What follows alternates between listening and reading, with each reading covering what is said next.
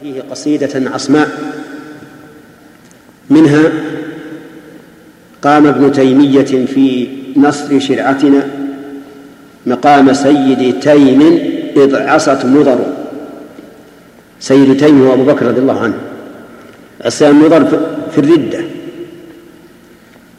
ومدحه ولما قدم شيخ الإسلام إلى مصر وجرت بينه وبين أبي حيان مناظرة في النحو. واحتج أبو حيان على شيخ الإسلام بما في كتاب سيبويه وقال إن ما ذكرته مخالف لما في الكتاب. فقال أي كتاب؟ قال كتاب سيبويه. قال وهل سيبويه نبي النحو حتى يجب علينا اتباعه؟ لقد غلط سيبويه في كتابه أكثر من ثمانين موضعا في أكثر من ثمانين موضعا لا تعرفها لا أنت ولا سيبويه. فحمي الرجل وغضب وهجاه بقصيدة ماذا نقول؟ لا قرون لها ولا أذى. ما هي عصمة؟ هجاه لأنه تكلم عليه هذا الكلام.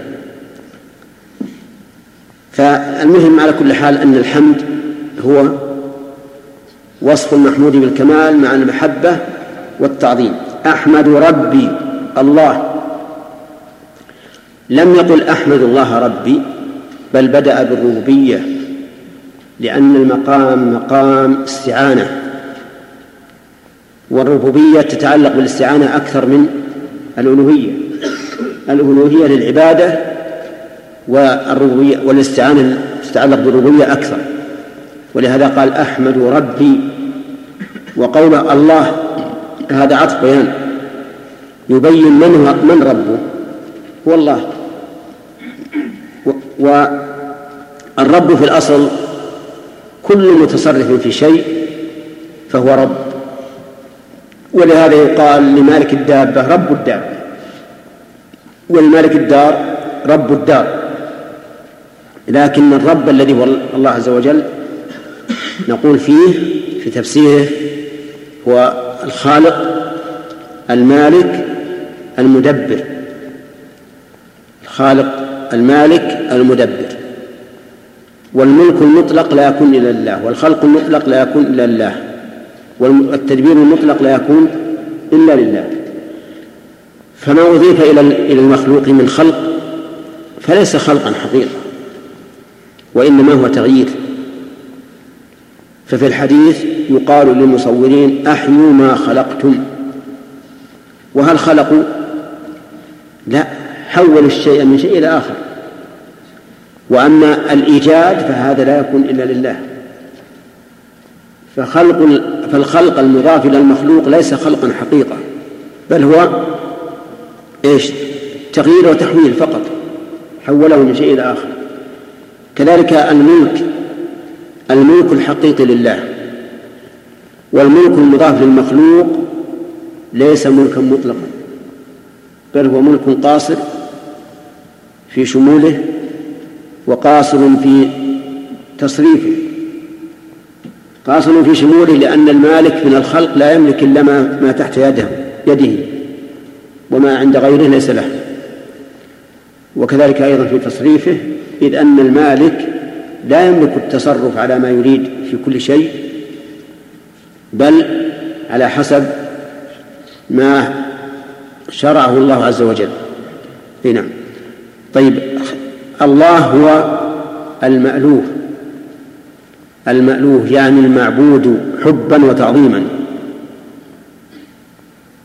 وقوله خير مالك هذه من من متعلقات الربوبية.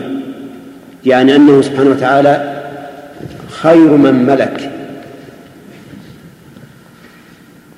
حتى فيما يصيب العبد. من المصائب والنكبات فهي خير. كما قال النبي عليه الصلاة والسلام عجبا لأمر المؤمن إن أمره كله خير. إن أصابته ضراء صبر فكان خيرا له وإن أصابته سراء شكر فكان خيرا له. وليس ذلك لأحد إلا للمؤمن. أحمد رب الله خير مالك. مصليا على النبي المصطفى. مصليا هذه حال من فاعل أحمد. يعني أحمد الله حال كوني مصليا على النبي أي سائلا لله عز وجل أن يصلي عليه. وصلاة الله على نبيه هي ثناؤه عليه في الملأ الأعلى. وليست الصلاة من الله الرحمة كما زعمه بعض العلماء بل الصلاة أخص من الرحمة. والدليل على التباين بينهما قوله تعالى أولئك عليهم صلوات من ربهم ورحمة. صلوات ورحمة. والأصل في العطف. إيش؟ الأصل في العطف المغايرة. وعلى هذا فنقول الصلاة أخص من الرحمة. ولو كانت الصلاة هي الرحمة لجاز أن نصلي على كل واحد. كما جاز أن نصلي على أن نترحم على كل واحد. ومعروف أن الصلاة على غير الأنبياء لا تجوز إلا تبعا أو لسبب.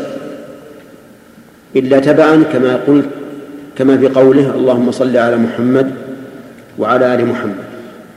أو لسبب كما في قوله تعالى خذ من أموالهم صدقة تطهرهم وتزكيهم بها وصل عليهم. وأما أن تتخذ شعارا لشخص معين سوى الأنبياء فإن ذلك لا يجوز. وقول على النبي المصطفى النبي قيل إنه مسهل من النبي بالهمز. وأن الأصل النبي لكنه سهل. وجعلت الهمزة جاء وأضمت في الياء الأولى وأنه مأخوذ من النبأ وهو الخبر. لأن النبي منبأ منبئ. فهو منبأ من قبل الله ومنبئ للخلق عن الله. وقيل إن النبي ليس فيه تسهيل وأنه مأخوذ من النبوة وهي الارتفاع وذلك لارتفاع رتبة النبي. والصحيح أنه مأخوذ من هذا ومن هذا فهو لفظ مشترك بين المعنيين والوصف صالح والوصفان صالحان للنبي فهو عليه الصلاة والسلام منبئ ومنبع وعالي الرتبة. المصطفى يعني مختار المختار ممن من؟ الأنبياء. لأن الأنبياء مختارون من من المؤمنين. والأنبياء أنفسهم منهم من من اختاره الله. مثل أولي العزم الخمسة. محمد صلى الله عليه وسلم وإبراهيم وموسى ونوح وعيسى. وهم مذكورون في كتاب الله في موضعين. في قوله تعالى وإذا أخذنا من النبيين ميثاقهم ومنك ومن نوح وإبراهيم وموسى وعيسى بن مريم. وفي قوله شرع لكم من الدين ما وصى به نوح والذي أوحينا إليك وما وصينا به إبراهيم وموسى وعيسى أن أقيموا الدين ولا تتفرقوا فيه. فهو صلى الله عليه وسلم من المصطفين. والمصطفى تصريفها في الأصل تصريفها أن الطاء أصلها تاء المصطفى. لكن القاعدة في اللغة العربية أنه إذا اجتمعت التاء والصاد قلبت التاء طاعا وهو مأخوذ من الصفوة وآله المستكملين الشرفاء ويجوز الشرف. فإن قلنا الشرفاء صارت صفة لآل وإن قلنا الشرف صارت مفعولا به للمستكملين يعني الذين استكملوا الشرف. وآله هنا أتباعه على دينه.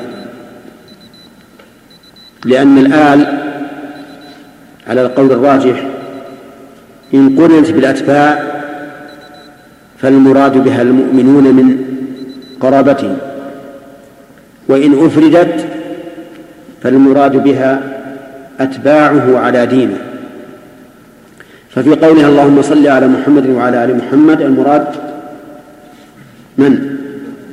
أتباعه على دينه وفي قول القائل اللهم صل على محمد وعلى آله وأصحابه وأتباعه. المراد المؤمنون من قرابته. هذا هو الصحيح. ولا يتم المعنى إلا بذلك. وأما من حمل الآل على الأتباع مطلقا أو على المؤمنين من أقاربه مطلقا ففي حمله ففي قوله نظر.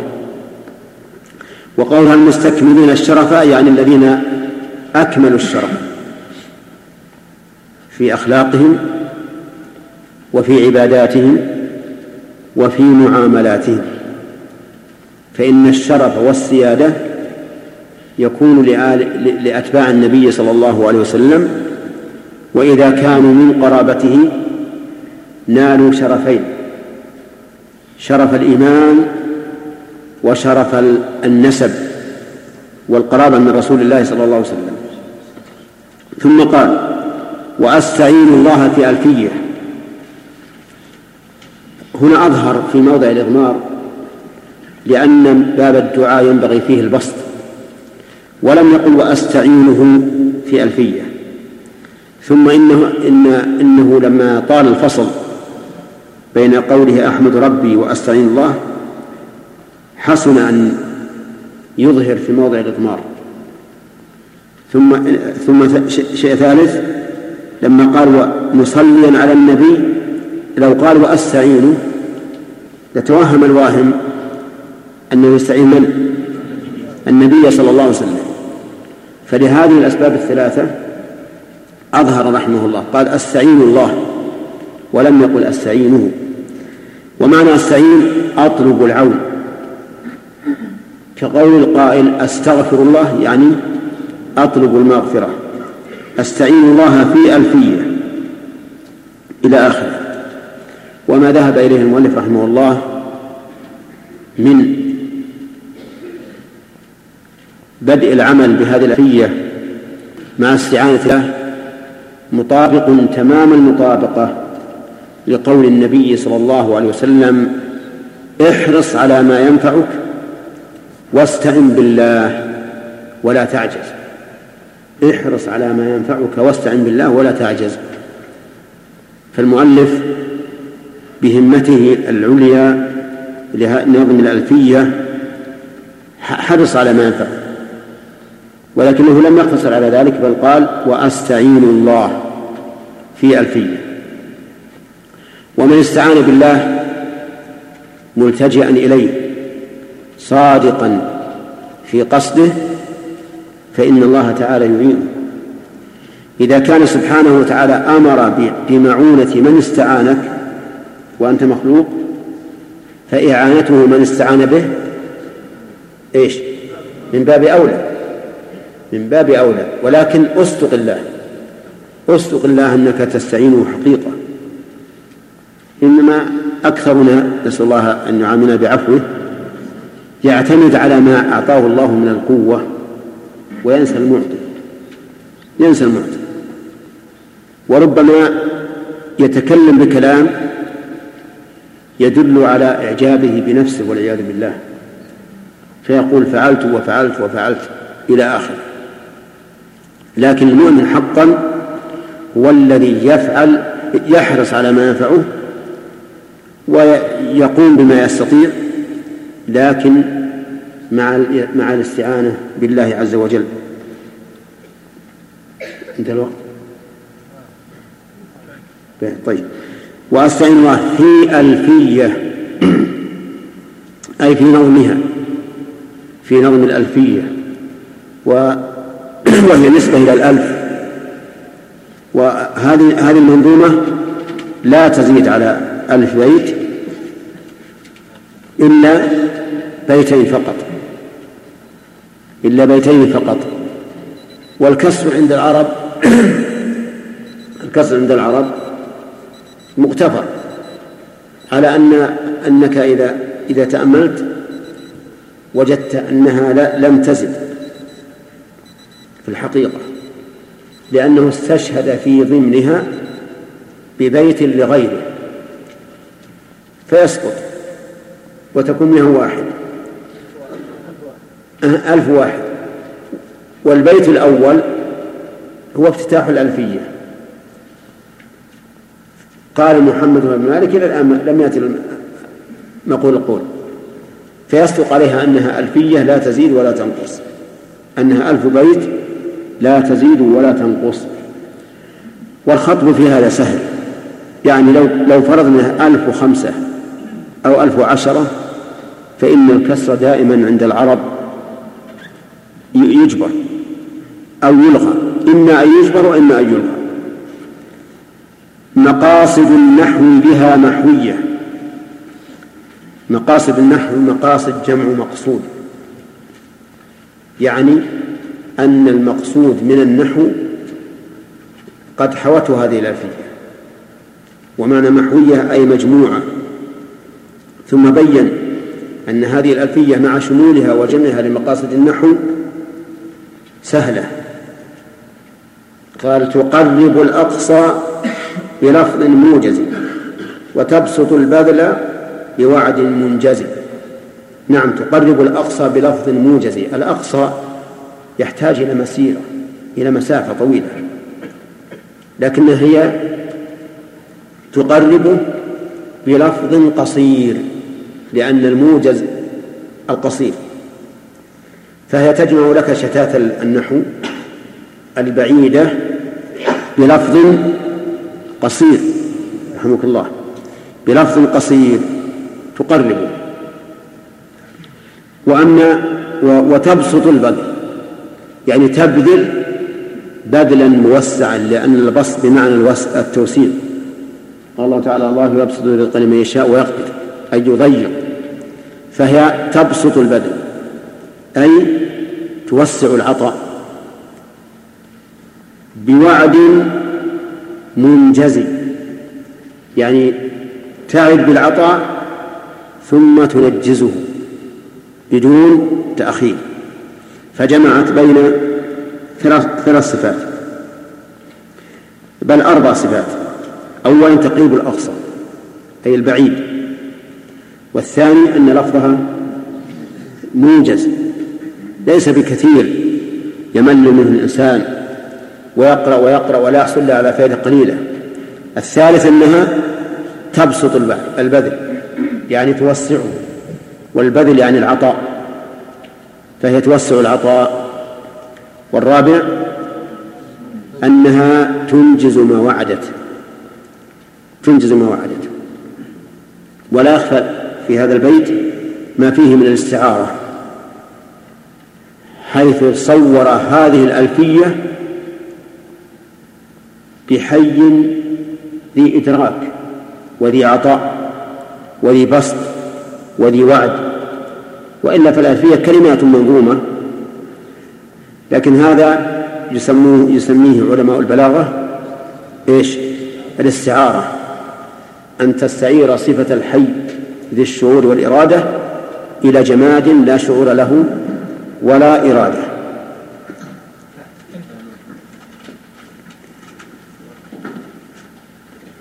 أنا ما سمعت إلا ها؟ إيه نعم نعم هذا من باب التصور إيه؟ ها؟ غدا بعد العشاء ها؟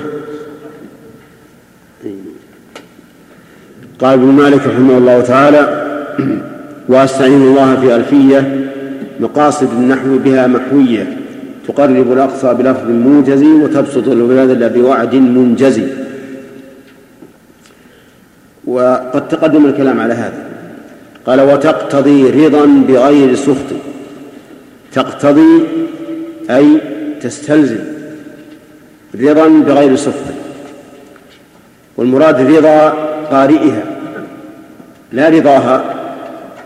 المراد أنها تقتضي من القارئ رضا بما يجد فيها من العلم.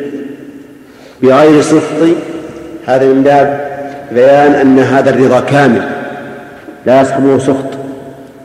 لأن الرضا قد يطلق على الشيء قد يطلق وإن كان فيه شيء من السخط. فإذا قال بغير سخط تبين أنه رضا تام ليس فيه سخط. فائقة ألفية ابن معطي. فائقة ألفية ابن معطي في في أنها أكثر جمعا للمسائل وفي أنها على بحر واحد بخلاف ألفية ابن معطي.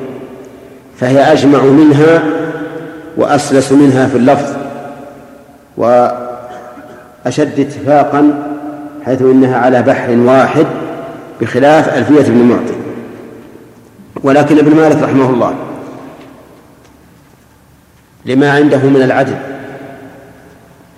بين ما لابن معطي من الفضل فقال وهو بسبق حائز تفضيلا وهو ابن معطي بسبق البل السببية أي بسبب سبقه لنظم ألفية في النحو. وليس المراد بسبب سبقه بالزمن لأن السابق في الزمن قد يكون له فضل وقد لا يكون لكن بسبق أي بسبق نظمه ألفية في النحو نعم حائز تفضيلا. حائز أي مدرك للتفضيل بسبب سبقه لنظم ألفية في النحو.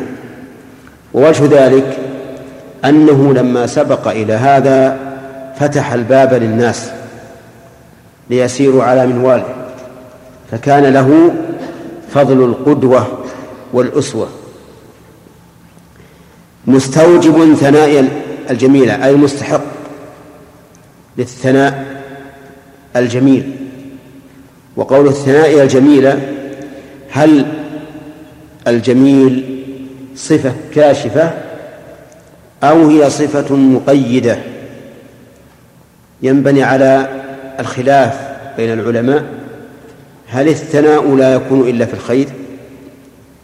فإن كان الثناء لا يكون إلا في الخير كان قولها الجميلة صفة كاشفة. وإن كان الثناء يكون في الخير والشر فإنها صفة مقيدة والصحيح أنه يكون في هذا وفي هذا. كما في في الجنازة التي مرت فأثنوا عليها شرا فقال النبي صلى الله عليه وسلم وجبت. فالثناء يكون في الخير ويكون في الشر حسب ما يضاف إليه. وبناء على هذا يكون الثناء يكون جميل صفة مقيدة. على أنه يمكن أن نقول حتى وإن كان الثناء لا يكون إلا في الخير فإن الجميل صفة مقيدة. لأن مطلق الثناء في الخير قد يكون جميلا وقد يكون دون ذلك. فيكون الجميل صفة مقيدة وإن كان الثناء يختص بالخير. إذا مستوجب من الثناء لأنه سبق. إلى نظم الألفية وفتح الباب للناس. ومن دل على خير فهو كفاعله. ومن سن في الإسلام سنة حسنة فله أجرها وأجر من عمل بها إلى يوم القيامة. ثم قال المؤلف والله يقضي بهبات وافرة لي وله في درجات الآخرة. يقضي أي يحكم. لأن القضاء يكون بمعنى الحكم. والجملة هنا خبرية لفظا إنشائية معنى لأن المراد بها الدعاء يعني أسأل الله أن يقضي بهبات وافرة والهبات جمع هبة وهي العطية والمنحة والوافرة الكثيرة وقول بهبات وافرة قد يقول قائل لماذا وصف الهبات وهي جمع بوافرة وهي مفرد؟ والجواب عن ذلك أن نقول إنه إذا كان الجمع لما لا يعقل فإنه يجوز أن يوصف بالمفرد وإن كان نعم أن يوصف بالمفرد. وهذا في جمع الكثرة كثير. ولكنه في جمع القلة قليل. وهبات من جمع القلة لأن الجمع السالم من مذكر أو مؤنث يعتبر من جمع القلة.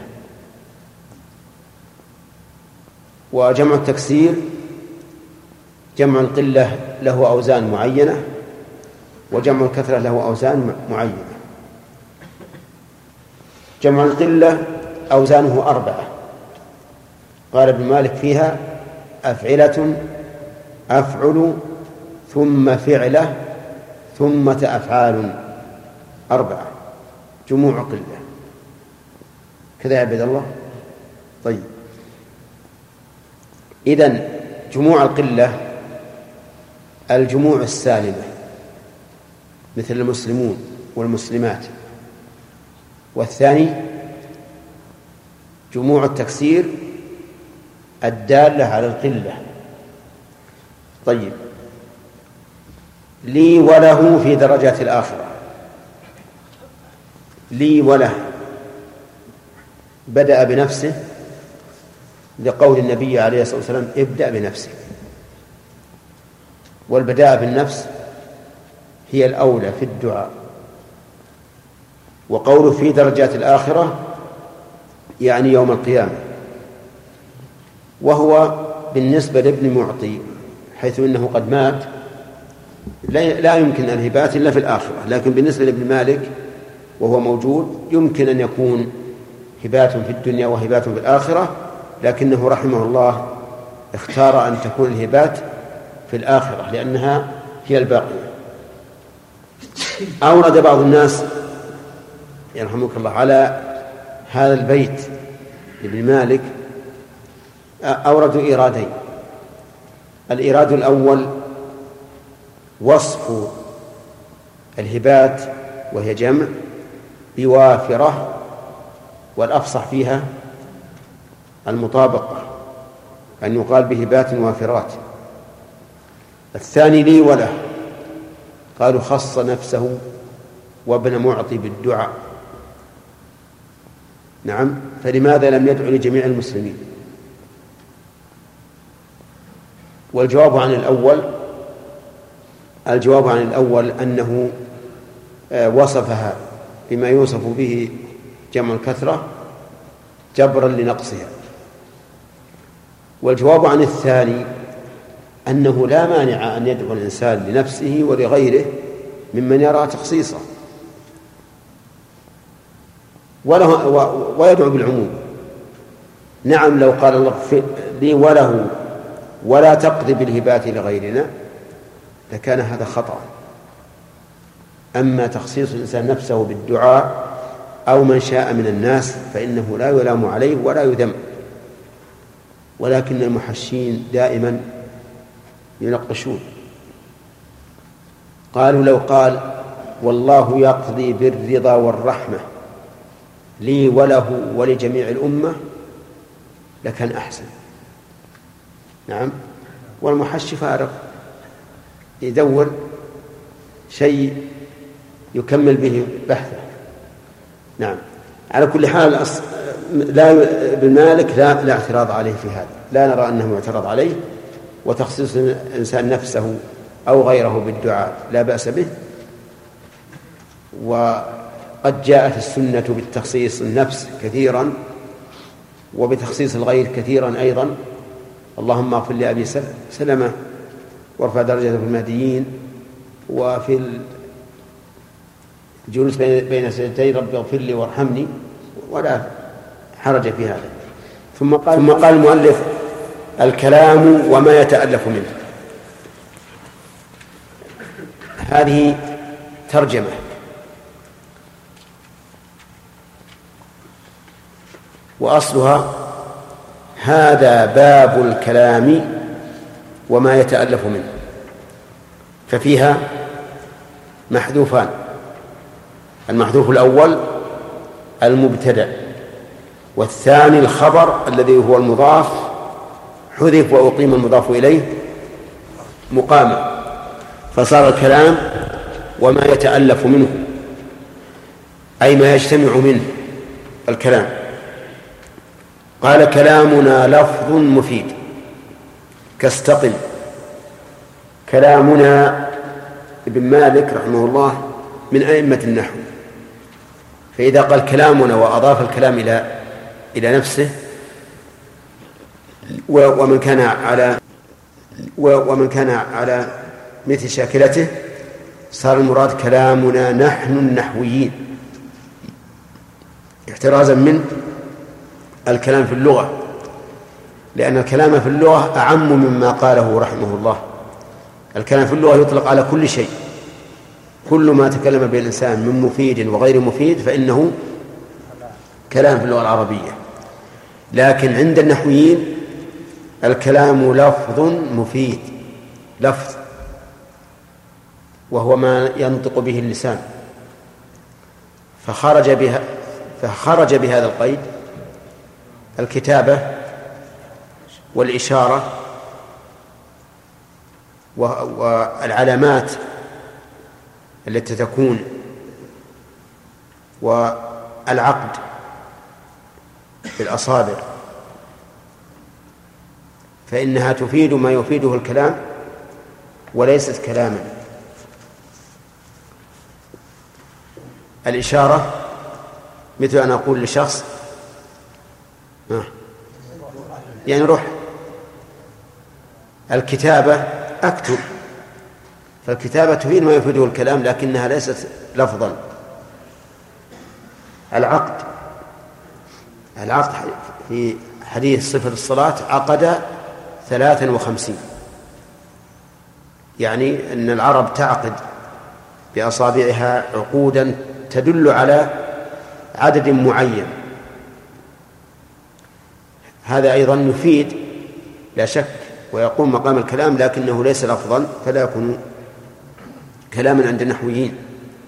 الرابع النصب العلامات. العلامات مثل علامات الطريق. يوضع مثل علامات في الطريق أحجار أو أخشاب منصوبة أو غيرها بدون أن يكتب عليها شيء. هذه كأنها تقول لك الطريق من هنا.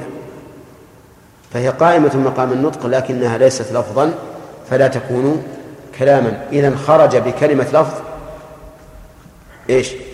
أربعة أشياء. وقوله مفيد. مفيد. ما معنى الفائدة؟ الفائدة يقولون هي أن يفيد الكلام فائدة يحسن السكوت عليها من قبل المتكلم ومن قبل المخاطب. بمعنى أن المخاطب لا يترقب شيئا سوى ذلك. يعني يستفيد فائدة ما يترقب ولا يتشوف لشيء آخر. فإذا قلت أذن المؤذن فهنا هل تترقب شيء آخر؟ لا أذن المؤذن تمت الجملة. فلا فلا تحتاج إلى شيء. إذن هي كلمة آه، هو لفظ مفيد. إذا قلت إن أذن المؤذن فهنا لا يحسن أن تسكت. طيب أذن المؤذن وش نسوي؟ فالمخاطب إذا قلت إن أذن المؤذن ها يترقب يترقب شيئا يستفيد به الآن لم تفده بشيء علقته. علقته بهذا الشر. وسيكون في ذهنك كل الاحتمالات. إن أذن المؤذن قامت القيامة. إن أذن المؤذن خرجنا من المسجد. إن أذن المؤذن صار كذا وكذا. ما أدري. كل شيء يقدر. إذا هل أفدته بهذا؟ الكلام هنا لما زاد نقص. أذن المؤذن؟ تام. إن أذن المؤذن زدنا إن فنقص. نعم ويلغز بها. يقال ما شيء إذا زدته نقص. نقول هو الكلام المفيد إذا دخلت عليه أداة الشرط. الكلام المفيد إذا دخلت عليه أداة الشرط جعلته غير مفيد. جعلته ناقصا. طيب. وقول المؤلف كلام كلامنا لفظ مفيد. لم يذكر أن تكون الفائدة جديدة أو غير جديدة. أطلق. فإذا كان مفيدا فسواء كانت الفائدة جديدة أو معلومة من قبل. فإنه يكون كلاما عند النحويين. فإذا قلت السماء فوقنا. السماء فوقنا فهل هذا كلام؟ ها؟ نعم. لأنه أفاد. ويرى بعض النحويين أنه إذا لم يأتي بفائدة جديدة فإنه ليس بكلام. ولكن الصحيح بلا شك أنه كلام. صحيح أن أن أن المخاطب لم يستفد الفائدة المطلوبة لكنه كلام. لو خاطبت به من لا يعلم لاستفاد فائدة جديدة. وقولك كاستقم الكاف هنا للتمثيل. يعني مثاله استقم. استقم هذا لفظ مفيد. أليس كذلك؟ طيب. كيف أفاد وهو من كلمة واحدة؟ نقول هو كلمة واحدة لكنها لكن في ضمنها كلمة أخرى لأن قولك استقم أي أنت. ففيها ضمير مستتر وجوبا فهو في حكم الظاهر. وعليه فلا يحتاج أن يكون الكلام مركبا من كلمتين فأكثر تركيبا محسوسا. بل إذا ركب ولو تركيبا تقديريا فإنه يعتبر يعتبر كلاما. إذا اشترط في الكلام أن يكون لفظا. خرج به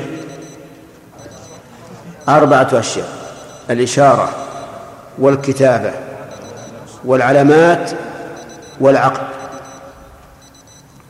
مفيدا خرج به ما لا يفيد فإنه لا يسمى كلاما والمراد بالفائدة ما يحسن السكوت عليه سواء كانت متجددة أو غير متجددة ما دامت الفائدة فهو كلام. طيب إذا قلت ربنا الله كلام ولا غير كلام؟ كلام لأنه مفيد.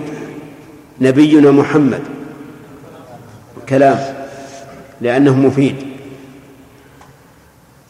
النار حارة كلام لأنه مفيد. وإن كانت الفائدة معلومة الماء جوهر سيال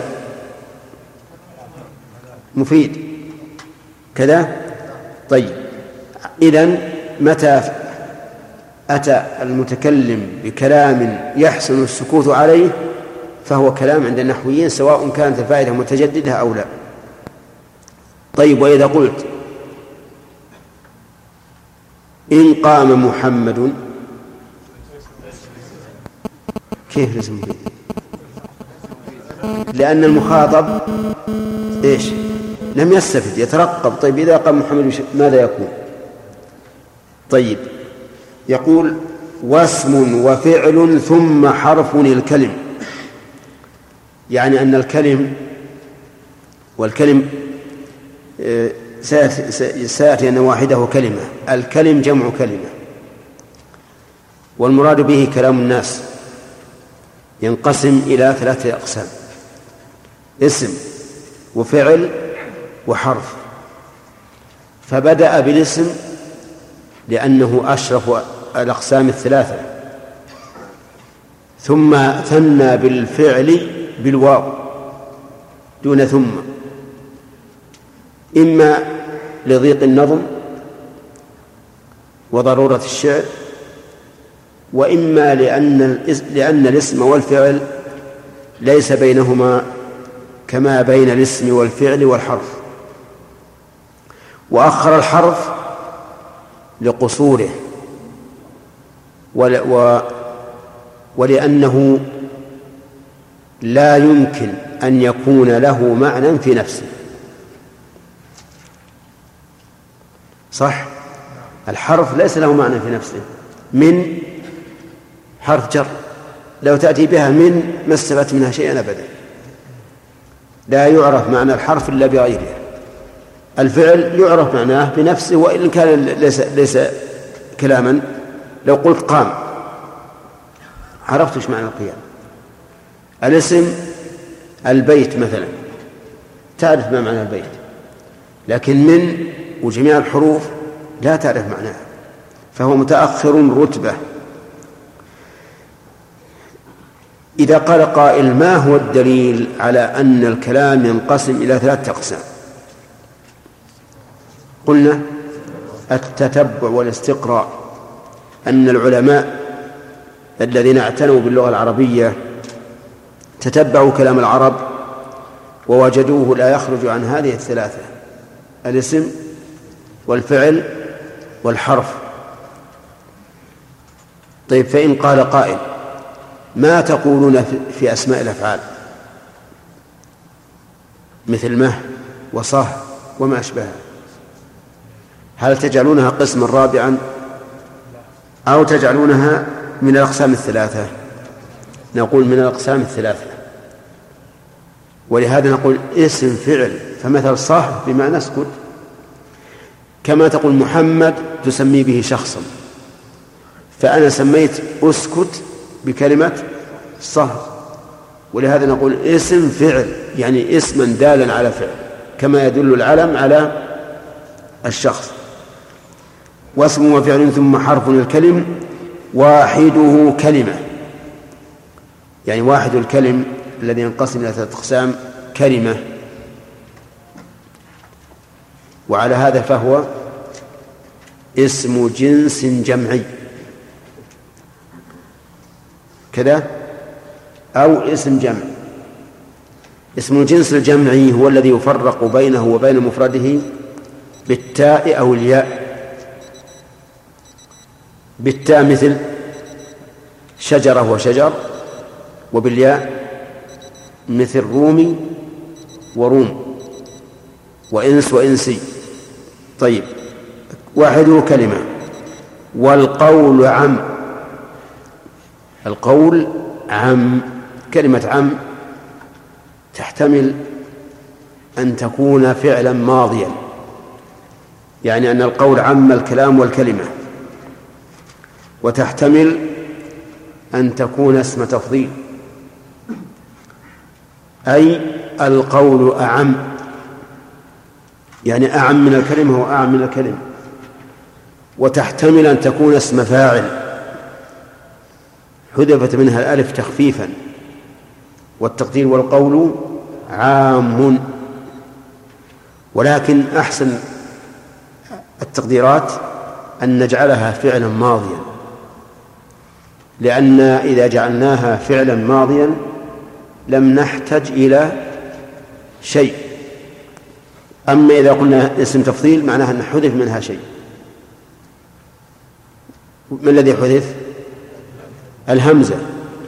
وإن جعلناها اسم فاعل حذف منها شيء وهو الألف. إذا جعلناها فعلا ماضيا لم يحذف منها شيء وحصل المقصود بذلك. إذا القول يعم. يعم إيش؟ يعم الكلام والكلمة فالكلام وهو اللفظ المفيد يسمى قولا والكلمة تسمى قولا. عرفتم؟ طيب. إذا قلنا قام محمد نسميه كلاما. ونسميه قولا. ونسميه كلمة لا. وإذا قلنا محمد فقط نسميه كلمة. ونسميها قولا ولا نسميها كلاما. إذن فالقول يعم الكلمة والكلام. طيب. وكلمة بها كلام قد يؤم. يؤم بمعنى يقصد يعني قد يراد بالكلمة الكلام. قد يراد بالكلمة الكلام. وما هو الكلام يا حجاج؟ ها؟ هو اللفظ المفيد. يعني قد يراد بالكلمة التي هي قول مفرد قد يراد بها الكلام. قال شيخ الإسلام ابن تيمية وهذا هو المراد بها في القرآن والسنة. المراد بالكلمة في القرآن والسنة هو الكلام. يعني كلما وجدت كلمة في القرآن أو في السنة فالمراد بها الكلام. ليس المراد بها القول المفرد. طيب.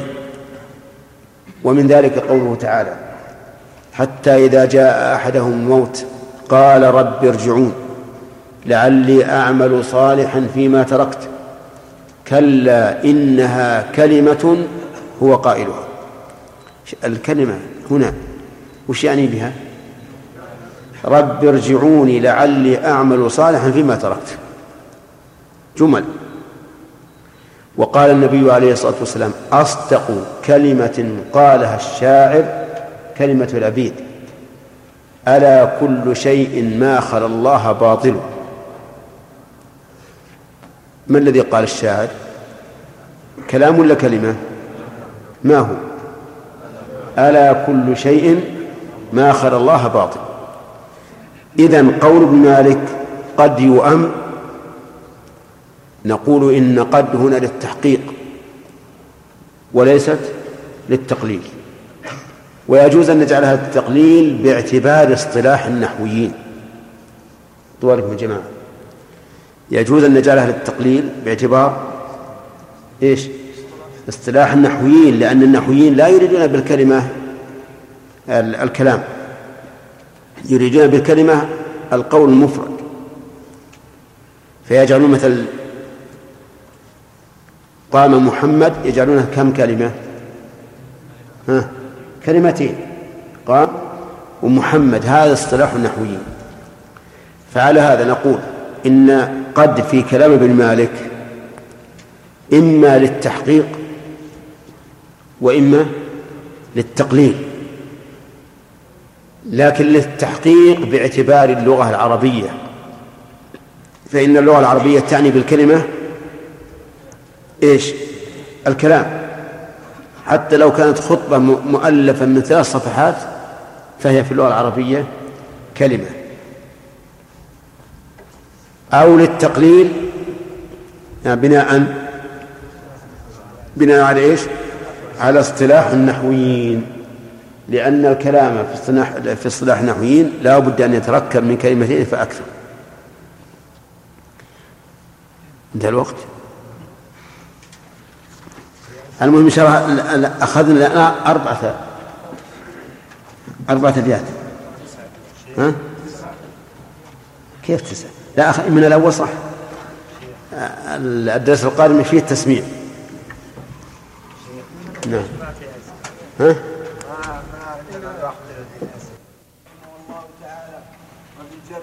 بالجر ما به بالجر والتنوين والنداء وأن ومسند للاسم تمييز حصل بس. بسم الله الرحمن الرحيم. الحمد لله رب العالمين وصلاة, وصلاة الله وسلامه على نبيه محمد وعلى آله وأصحابه ومن تبعهم بإحسان إلى يوم الدين. سبق لنا في الدرس الماضي أربع كلمات. كلم وكلام وكلمة وقول.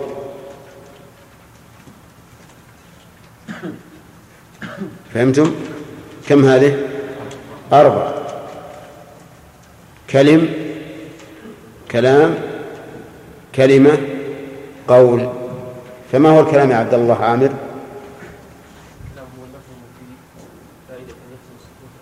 طيب.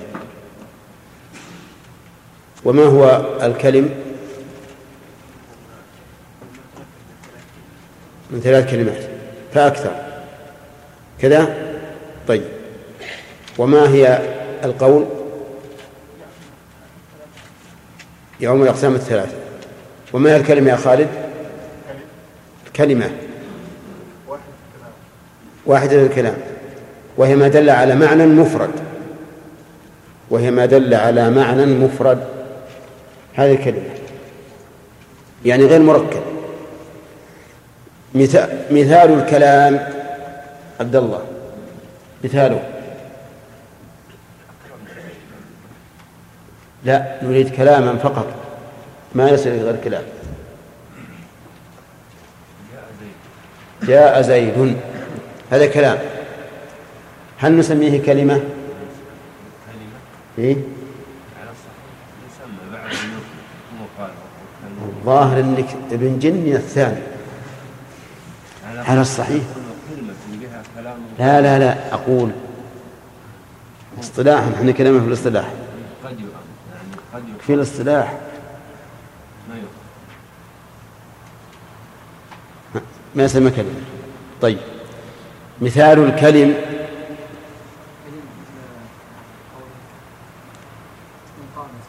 إن قام زيد. هذا كلم. لأنه ثلاث كلمات. هل يمكن نسميه كلاما؟ لماذا؟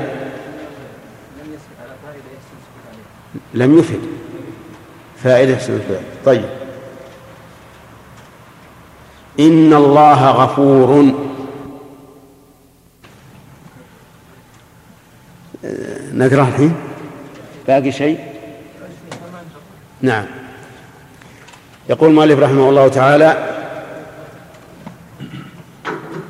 يقول بالجر والتنوين والندى وأل ومسند للاسم ومسند بالجر والتنوين والندى وأل ومسند للاسم تمييز حصل. يعني حصل للاسم تمييز بهذه الأشياء الخمسة. تمييز عن إيش؟ تمييز عن الفعل والحرف. يعني شيء يميز عن الاسم والحرف عن الفعل والحرف وهي واحد من هذه الخمسة الجر والتنوين والندى وال والإسناد. ومعنى كلام المؤلف أن كل كلمة مجرورة فهي اسم. هذا المعنى. وليس المعنى أن كل كلمة تجرها فهي اسم. لأنك لو قلت كل كلمة تجرها فهي اسم جاء, شخص وقال أنا أجر ضرب وأقول ضربي. نعم. لكن المعنى كل كلمة مجرورة فهي اسم. فهي علامة تبين المعلوم. كما لو قلت فلان العرب علامتهم لبس العمامة. يعني معناها أن أنهم يتميزون عن غيرهم بذلك. فكلما وجدنا شخصا ذا عمة فهو عربي. كذلك الاسم. كل ما كلما وجدنا كلمة مجرورة فهي اسم وقول المؤلف بالجر يشمل الجر بالحرف والجر بالإضافة والجر بالتبعية وقد اجتمعت في البسملة. بسم الله الرحمن الرحيم. فكلمة اسم مجرورة بالحرف بالباء. وكلمة ولفظ الجلالة مجرور بالإضافة. ولفظ الرحمن مجرور بالتبعية. مجرور بالتبعية. إذن الجر من علامات الاسم. فكل كلمة مجرورة فهي اسم سواء جرت بالحرف أو بالإضافة أو بالتبعية. والتنوين. المعنى كل كلمة منونة فهو فهي اسم. فكلما وجدت كلمة منونة فاحكم بأنها اسم. والتنوين نون ساكنة تلحق أواخر الكلم لفظا لا خطا. نون ساكنة تلحق أواخر الكلم لفظا لا خطا. زيد جن. فيها نون ساكنة هل هي مكتوبة؟ لا. وقال معلمون ونحن في أول الطلب التنوين ضمتان أو فتحتان أو كسرتان.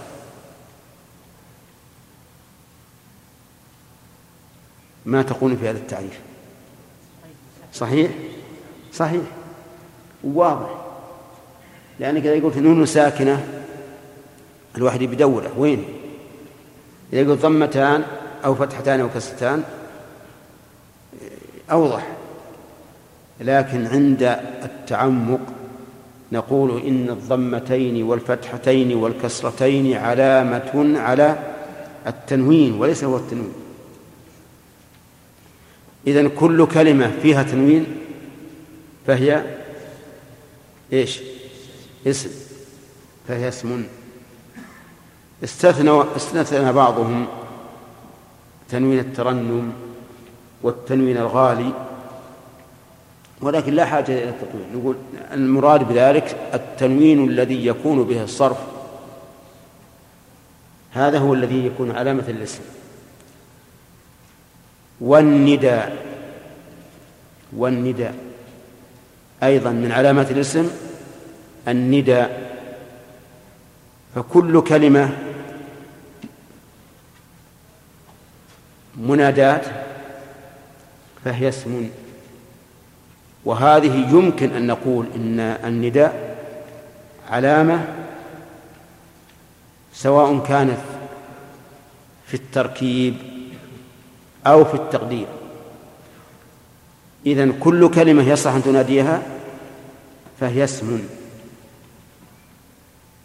وكل كلمة مصدرة بالنداء بياء النداء فهي اسم عرفتم؟ يا رجل كلمة رجل اسم. ليش؟ ها؟ مصدرة بياء النداء كذلك لو قلت يا ضرب يا ضرب.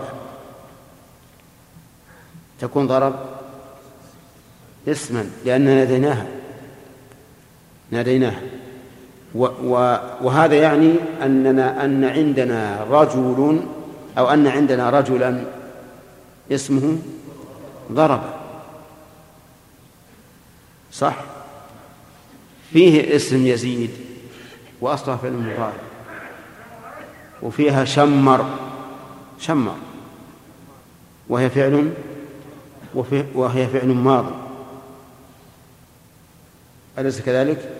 إذن كل كلمة صح أن تنادى فهي اسم كل كلمة صدرت بالنداء فهي اسم. وأل أل أيضا من علامات الأسماء. فكل كلمة فيها أل فهي اسم. المساجد اسم ها؟ البيوت اسم الإبل اسم الجبال الشمس القمر كل كلمة فيها ال فهي اسم. طيب. ربما سيأتينا إن شاء الله تعالى في باب الموصول أن من الأسماء الموصولة ال وأنها ربما تكون صلتها فعلا. كقول الشاعر ما أنت بالحكم ترضى حكومته ولا الأصيل ولا ذي الرأي والجدل. ما أنت بالحكم ترضى ال هنا اسم موصول. فالمراد إذن في قول المؤلف وأل ما سوى إيش؟ ال الموصولية. لأن ال الموصولية قد